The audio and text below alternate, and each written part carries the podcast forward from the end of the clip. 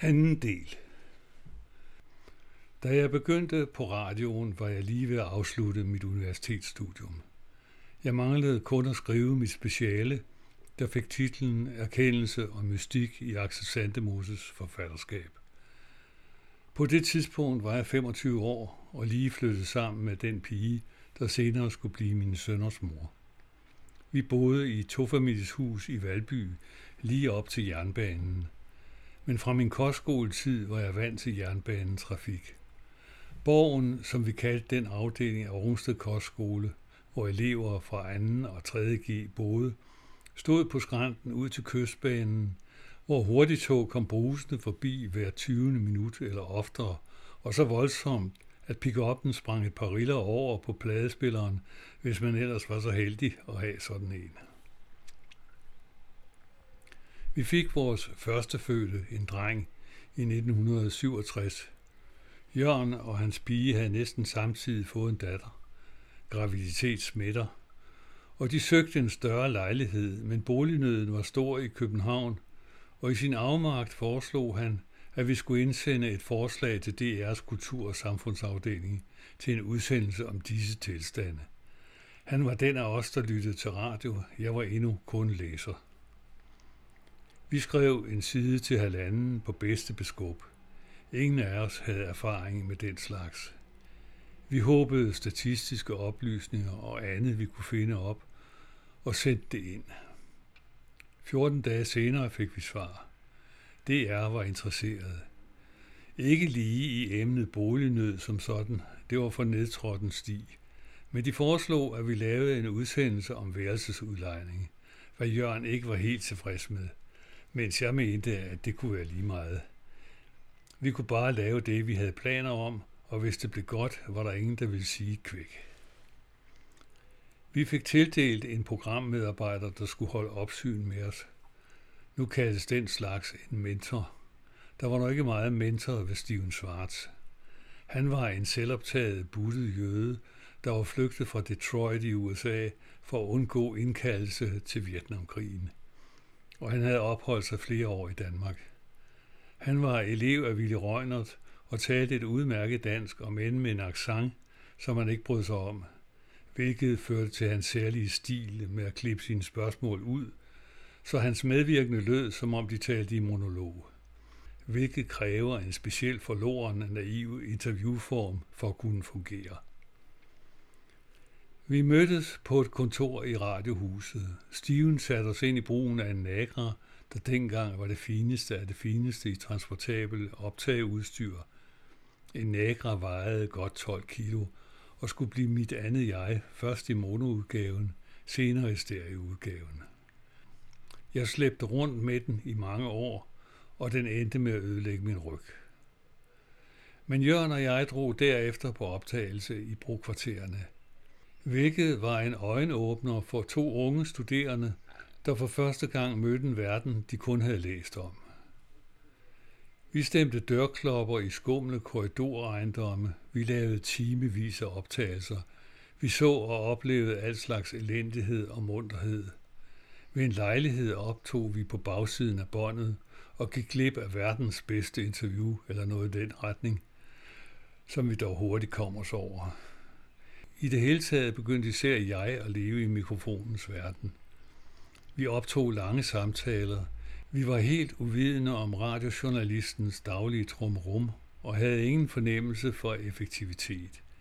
At man højst bør optage interviews på 5-10 minutter, da de er nemme at klippe og for det meste begrænser sig til politiske statements. Det var den slags, der blev lavet af ansatte, der kom fra dagbladene, eller som også fra universitetet, og som mente, at DR er en talende avis. Dengang vidste jeg heller ikke, hvad jeg nu ved, eller det stod ikke klokkeklart, at det vigtigste ved en radioudsendelse er lydmaterialet, og at alt står og falder med kvaliteten af de optagelser, man har fået i kassen, og at der ikke findes nogen fast recept for, hvordan den slags gøres. Man må gå efter øret. Vi var unge og nysgerrige og spurgte til folks følelser og erfaringer og lod dem fortælle og borede i de uklarheder, der altid er i andre menneskers historier.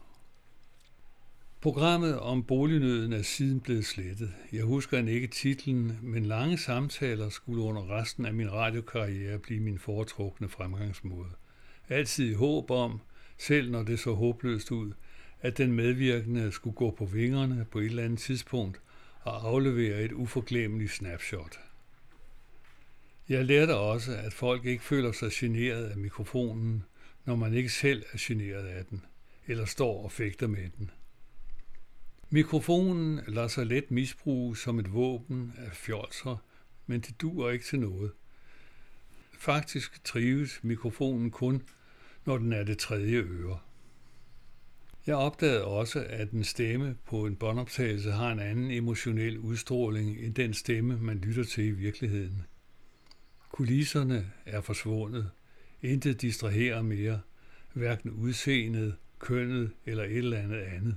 Kun stemmen taler, eller lyden. Jeg udviklede også med årene en evne til at fornemme, hvornår folk talte nogenlunde sandt eller skjulte noget. En evne, der delvis er gået tabt af mangel på øvelse. Jeg kunne også høre, hvorfra stemmen kom, hvorfra den havde sit udspring i kroppen.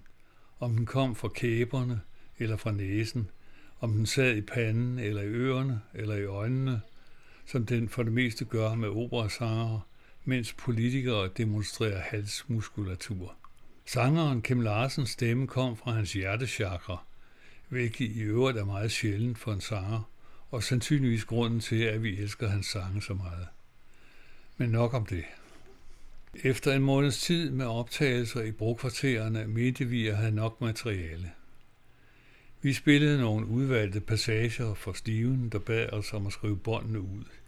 I hvert fald dem, vi mente var brugbare. Jeg havde lige afleveret mit speciale og var i skrivetræning. Vi havde optaget ca. 10-15 timer, der var brugbare. Udskrivningen tog tid og var kedelig, men efter et par uger var jeg færdig, og vi mødtes igen med Steven med en tyk rulle papir, som jeg havde klistret sammen til noget, der skulle gøre det ud for et råforløb.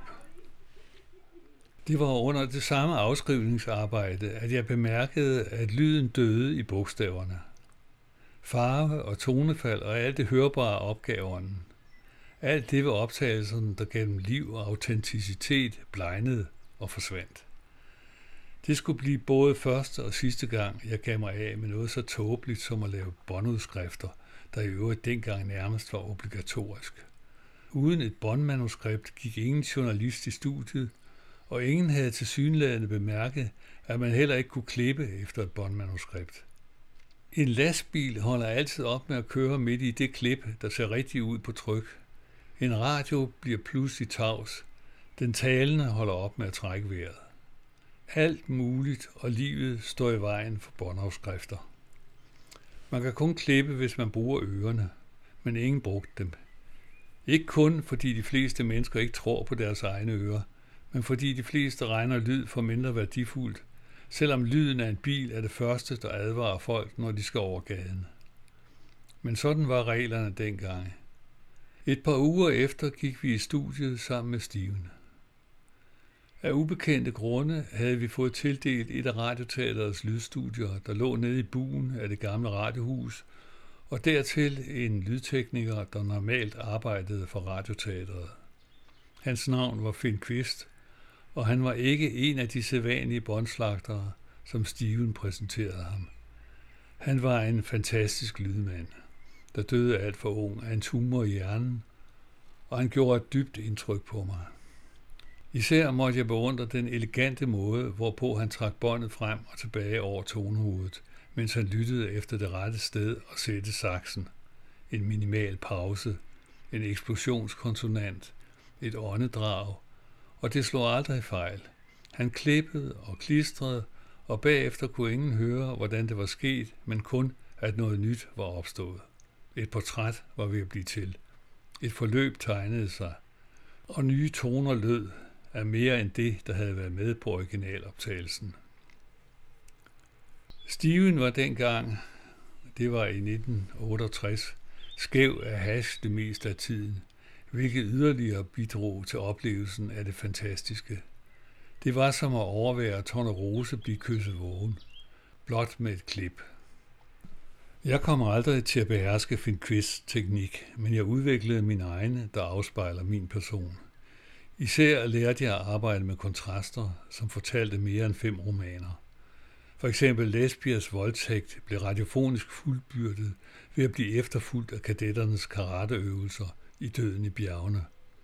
Metoden er brugbar overalt, hvis man har ører og hjerte. Jeg er Steven Schwarz taknemmelig for disse første dage i studiet, hvor jeg fandt mine ører. Men samtidig skete der noget, der kastede et grimt lys over vores forhold. En uge før vores boligudsendelse skulle sendes, blev Jørgen ringet op af en af DR's medarbejdere ved navn Overgård Nielsen, der gjorde os opmærksom på, at vores navne ikke stod på programmet. Kun Stevens blev nævnt som tilrettelægger. Vi fik det rette i tide. Vi blev krediteret som manuskriptforfattere, men Steven indrømmede aldrig, at forglemmelsen havde været bevidst. Dengang var jeg lige ved at tro på ham, men jeg blev senere klogere. Et års tid efter, at jeg var blevet fyret og stadigvæk havde bopæl i København, men også boede i Berlin, bad han mig om at lave fortællerstemmen til en montage med titlen Notater fra en losseplads. Der fandtes ikke noget manuskript, kun løse sætninger, som jeg improviserede over. Jeg fik 2.000 kroner for opgaven og glemte det hele. Programmet fik senere en honorable mention ved Prix men i de år fulgte jeg ikke så nøje med i den slags. Og der gik lang tid, før jeg opdagede, at mit navn end ikke var nævnt på kreditlisten, hverken som medvirkende eller som medforfatter. Nu er det vel sådan, at den slags forglemmelser mest af alt beror på en karakterbrist. Da Steven endelig vandt Prix Italia i 1992 med montagen Snigskytter i Sarajevo, var det den bosniske journalist Boro Končić, det gik ud over. Boro Končić havde lavet de fabelagtige samtaler med snigskytter i Sarajevo, som montagen lever på, men han blev hverken krediteret som medtilrettelægger eller medforfatter. Han blev kun nævnt som den, der havde optaget disse samtaler. Min opfattelse er, at Contis optagelser alene i deres rå og uklippede form ville have kunne vinde på Italia, mens Stevens eget bidrag til montagen, optagelser med en bosnisk musiker i dansk eksil, blot er radiofonisk fyldekalk. Jeg har talt i telefon med Kontic, der erklærede, at han havde modtaget betaling for sit bidrag, og at han var tilfreds. Han nævnte ikke størrelsen på det beløb, han havde modtaget, men med mit kendskab til Steven og DR, kan det ikke have været i nærheden af de 60.000 kroner, som Steven modtog i prispenge. End ikke halvdelen. Men fordi Kontic ikke var klar over værdien af sine optagelser, slap Steven afsted med at snyde ham, og det er noget, der krænker min retfærdighedssans. Noget lignende oplevede jeg med en svensk radioproducer ved navn Åke Blomstrøm. Han deltog, ligesom jeg, i den årlige internationale featurekonference i Berlin med sine hjemmegjorte programmer, som han promoverede som Investigative Journalism. Åke Blomstrøm var temmelig alkoholiseret. Han og en dansk-svensk kollega ved navn Henning Pallesen vandt året efter mig presseprisen ved Prix Italia med produktionen Bloody Business, der behandler blodplasmaindustriens udnyttelse af fattige mennesker i underudviklede lande, der må sælge deres blod for at skaffe mad til familien. I Managua fandtes en sådan blodplasmafabrik, og under mit ophold i 1976-77 foretog jeg en hel del optagelser der, men brugte dem aldrig. Jeg må have fortalt Åke om dem på et tidspunkt, for han bad mig om at få tilsendt en kopi, hvilket han fik, og et års tid senere kunne jeg til min forbløffelse konstatere, at Bloody Business stort set kun bygger på den lyd og de samtaler, jeg havde optaget i Managua og lånt Åke. Endnu mere forbløffet blev jeg, da jeg opdagede, at jeg end ikke var nævnt på kreditlisten, og jeg påtalte det privat over for Åke Blomstrøm, men forfulgte ikke sagen videre. Da Åke døde alt for tidligt i øvrigt, ønskede daværende feature-chef i SFB, Peter Leonhard Braun, at opkalde en pris efter ham. Og Åke Blomstrøm Award uddeles stadigvæk til unge featuretalenter, der ikke ved, at prisens navn stammer fra en, der ikke selv kunne. Jeg lærte meget hurtigt at bruge en saks. Mine ører var prædestineret til at bruge den. Og da arbejdet med den radiofoniske montage af en sammenkomst af håndværk og sjæl, var det højst tilfredsstillende for en ung litteraturmagister, som ikke var ganske overbevist om litteraturens relevans. Jeg mødte samtidig en mand, der skulle berøre mit hjerte dybt. Willy Røgnert, der døde i 1971. Stevens og mange andres lærermester, også Vigo Clausens, Ivan Saltus og Christian Kryers, der efter sigende gik i folk med træsko på, men egentlig bare trampede rundt i suppedasen. Jeg var i øvrigt den første, der modtog den pris, der opkaldt efter Christian Kryer, og jeg benyttede lejligheden til at foreslå daværende generaldirektør Sølhøje til at omdøbe den til Røgnerprisen. Mit forslag blev naturligvis ikke taget alvorligt. I DR har det altid været, som jeg tidligere har nævnt, den mindst egnede, der får stillingen, der bliver forfremmet eller kåret som populær. Røgnert var for fremmedartet og for begavet, men samtidig må det understreges, at uden hans indsats ville der ikke have været en radiofonisk montage i Danmark, og det kan ikke understreges nok. Røgnert var begyndelsen, udfoldelsen og jordbunden for alt senere montageproduktion. Desuden var han et fantastisk menneske. Sandsynligvis havde han også indflydelse på udviklingen i montagen i Tyskland, eller radiofeaturen, som tyskerne kalder genren, men det står lidt uklart. Jeg ved kun, at Reunert kort tid efter krigen havde kontakt med Norddeutsche Rundfunk. Han talte jo sproget, og der synes at have været en gensidig inspiration mellem ham og den tyske efterkrigstids grundlægger af genren, Axel Eggebrecht. Det var Eggebrecht, og måske også lidt Reunert, der lagde grunden til den autoren-feature, der senere udfoldede sig under Peter Leonhard Braun og hans ven Claus Lindemann ved Center Freies Berlin. Da jeg mødte Willy Røgnert i 1969, var han ved at forberede sig på at gå på pension.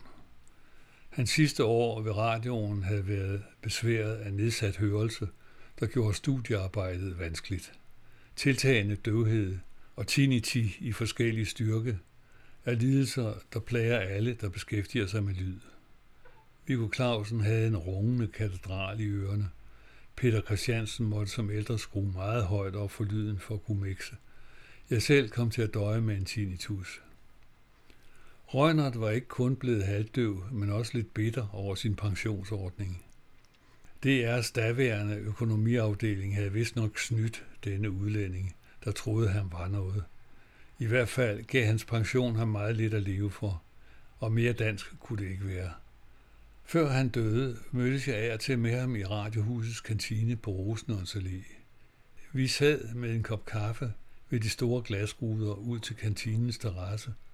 Solen flød ind over os, og Rønnert fortalte om sig selv og sine radiofoniske tanker.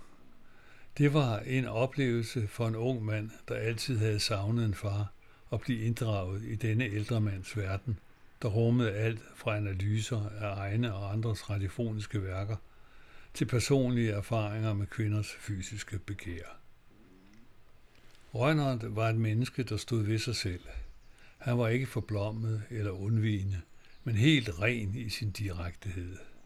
Og jeg blev lidt salig i hans selskab. Jeg havde i 1969 kun lavet et par udsendelser, som jeg endnu ikke vågede at kalde montager.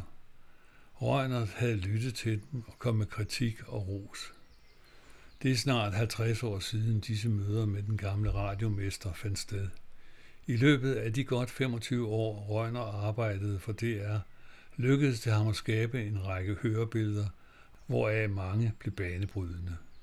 Han bragte radiomediet ud af foredragsformen og ind i lytternes hjem med en ny virkelighed. Jeg skal blot nævne nogle enkelte hørebilleder. Manden i kælderhalsen, huse omkring en station, Sladerslev, som i dag måske nok er blevet lidt borgtunge, men stadigvæk er i live. Røgnert havde den opfattelse, at en interviewer skulle være slibesten for sin samtalepartner, hvilket betød, at hans hørebilleder er båret af argumenter, der brydes, af nogen kaldet dialektik, og med stor tiltro til lytterens forstand. Naturligvis blev der også manipuleret, men idealet var, at de bedste argumenter også var de stærkeste. I slutningen af 40'erne og begyndelsen af 50'erne lavede han også en række lydbilleder fra det delte Tyskland. Især hans Berliner ved dag og nat stråler stadigvæk i nyslået glans. I Danmark brugte han altid en stedfortræder, som regel Svend Alkasi, også kaldet His Master's Voice, til at foretage sine interviews. Røgnert slap aldrig af med sin tyske accent og brød sig ikke om at tale i radioen. Men i Berliner ved dag og nat svømmer han suverænt i sit eget sprog, og når I Poulsen i sin doktorafhandling om montagen påstår, at Røgners stemme var uegnet til radio, er det noget vrøvl. Røgners stemme var en smuk bariton med en charmerende vineraksang, der tydeligvis gør indtryk på de kvindelige gæster i det dengang berømte cabaret- og dansepalads Residence Casino, kaldet Resi i Blumenstraße ved Alexanderplatz i Berlin.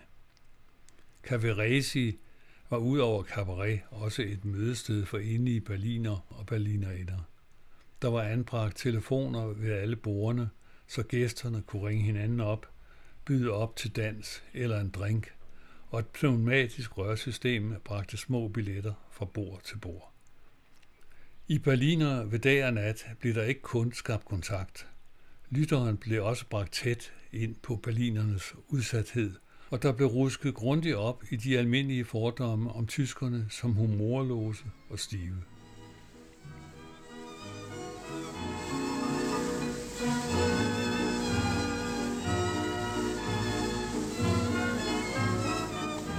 Nå, der er telefon til os. Ja, ja, hallo? Wie bitte den dunklen Herrn? Ein Augenblick. Må være for dig, den mørke herre. Ja, hallo? Ja. Nein, wir sind nicht vom RIAS. Auch nicht vom Nordwestdeutschen Rundfunk. Wir sind vom, vom dänischen Rundfunk sind wir. Wir, wir machen, ja, wir machen eine Aufnahme Berlin bei Nacht. Ja. Das gefällt uns ausgezeichnet. Ja, sehr schöne Stimmung ist hier. Und Sie sind ganz alleine? Ja, ich tanze. Ja, ich tanze aber leider nicht so gut. Der Herr im grauen Anzug, dieser er, er tanzt viel besser. Ja, eben, nicht wahr? Sind Sie ganz alleine hier? Ach, Sie haben Ihre Freundin auch noch mit. Das ist großartig. Sagen Sie mal, wo sitzen Sie denn? Ich möchte Sie gerne sehen. 200, 235. Ah, jetzt sehe ich Sie. Ah, ja, genauso blond, wie ich mir vorgestellt habe. Ja, ganz genauso. Gut, der nächste Tanz bitte, ja? Ich, ich komme sofort. Dankeschön.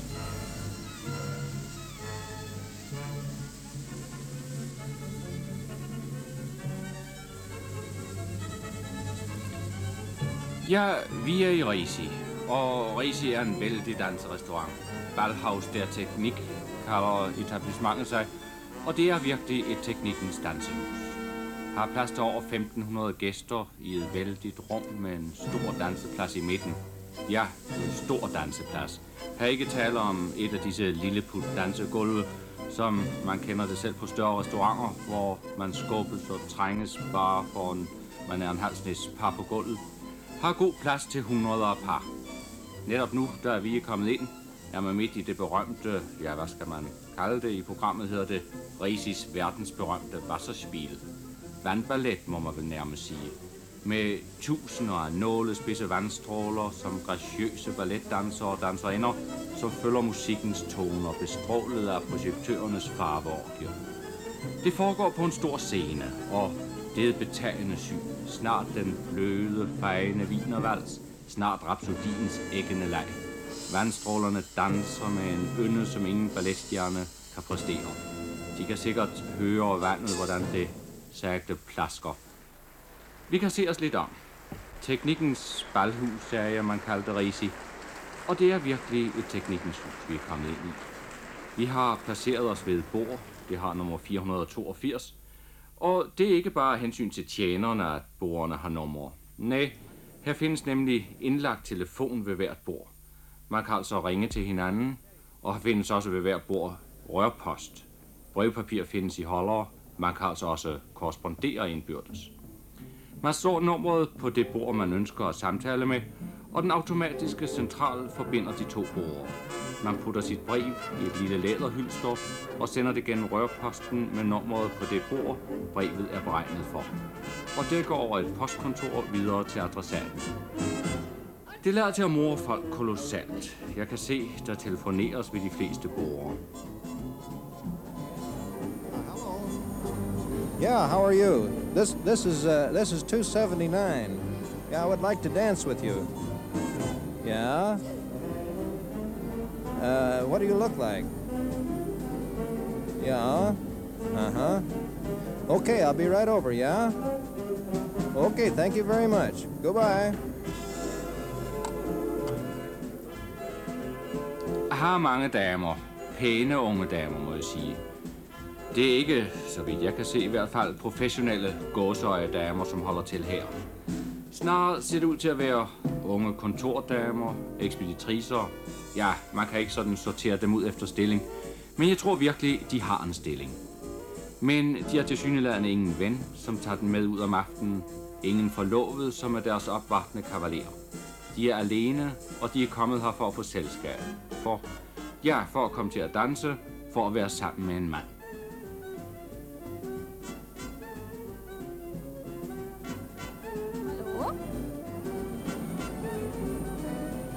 Ja, hier ist Resi. Das tut mir ja furchtbar leid. Sie können mich gerne zum Tanzen auffordern. Ja, Sie können mich gerne auffordern. Ich bin dunkelblond, mittelgroß, habe ein schwarzes Kleid an. Ja, bin ich Ihr Typ? Ja, das freut mich sehr.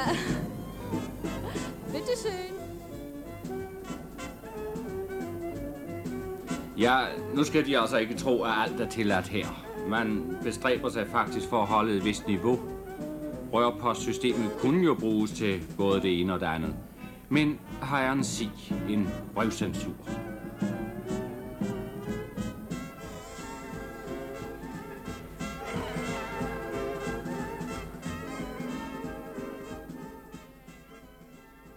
Vi kigger indenfor i postkontoret til den unge dame, som agerer sensor.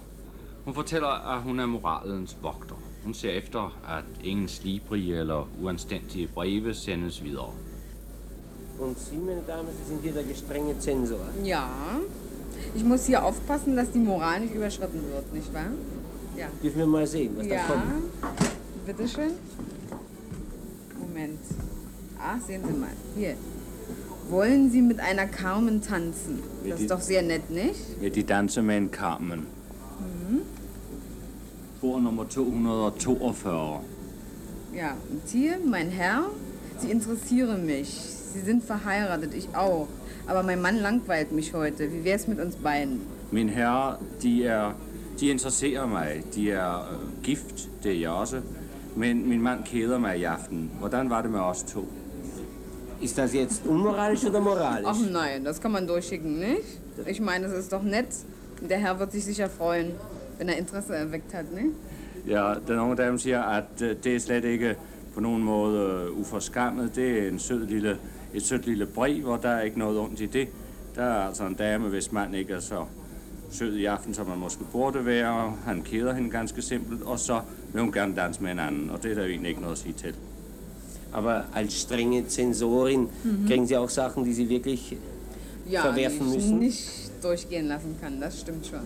Was denn zum Beispiel? Na, das kann ich nicht sagen. Det, det er ikke alt, som får lov at passere. Der kommer breve, siger unge dame, den strenge sensor, som absolut ikke kan få lov at passere. Og vi prøver for at vide, hvad det drejer sig om. Men hun siger, at det kan man ikke sige, så slemme ting sendes der ind.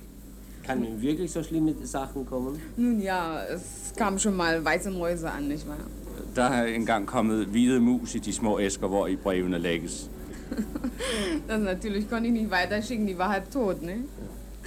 De, de var halvdøde og kunne ikke sendes videre. Ja.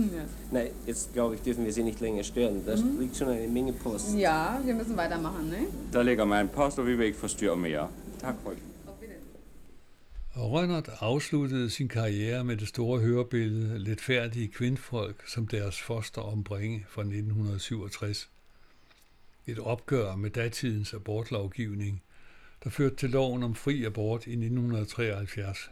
En af de første love om fri abort i verden.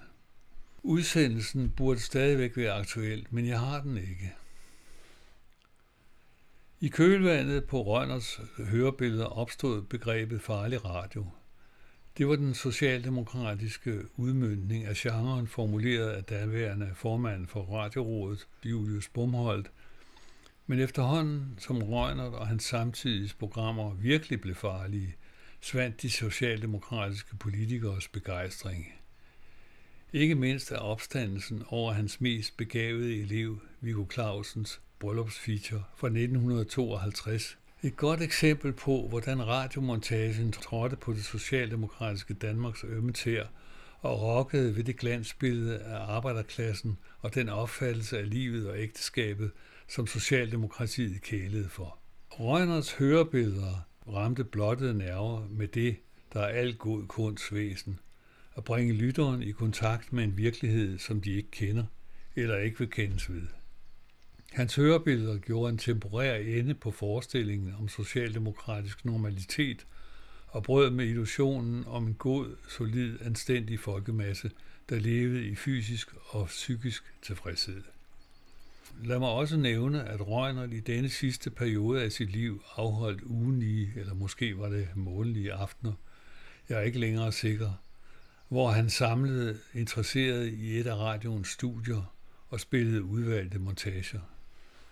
Det var en slags radiofonisk studieforening og en ekstrem vigtig indvielse i radiomontagens korte historie og teori.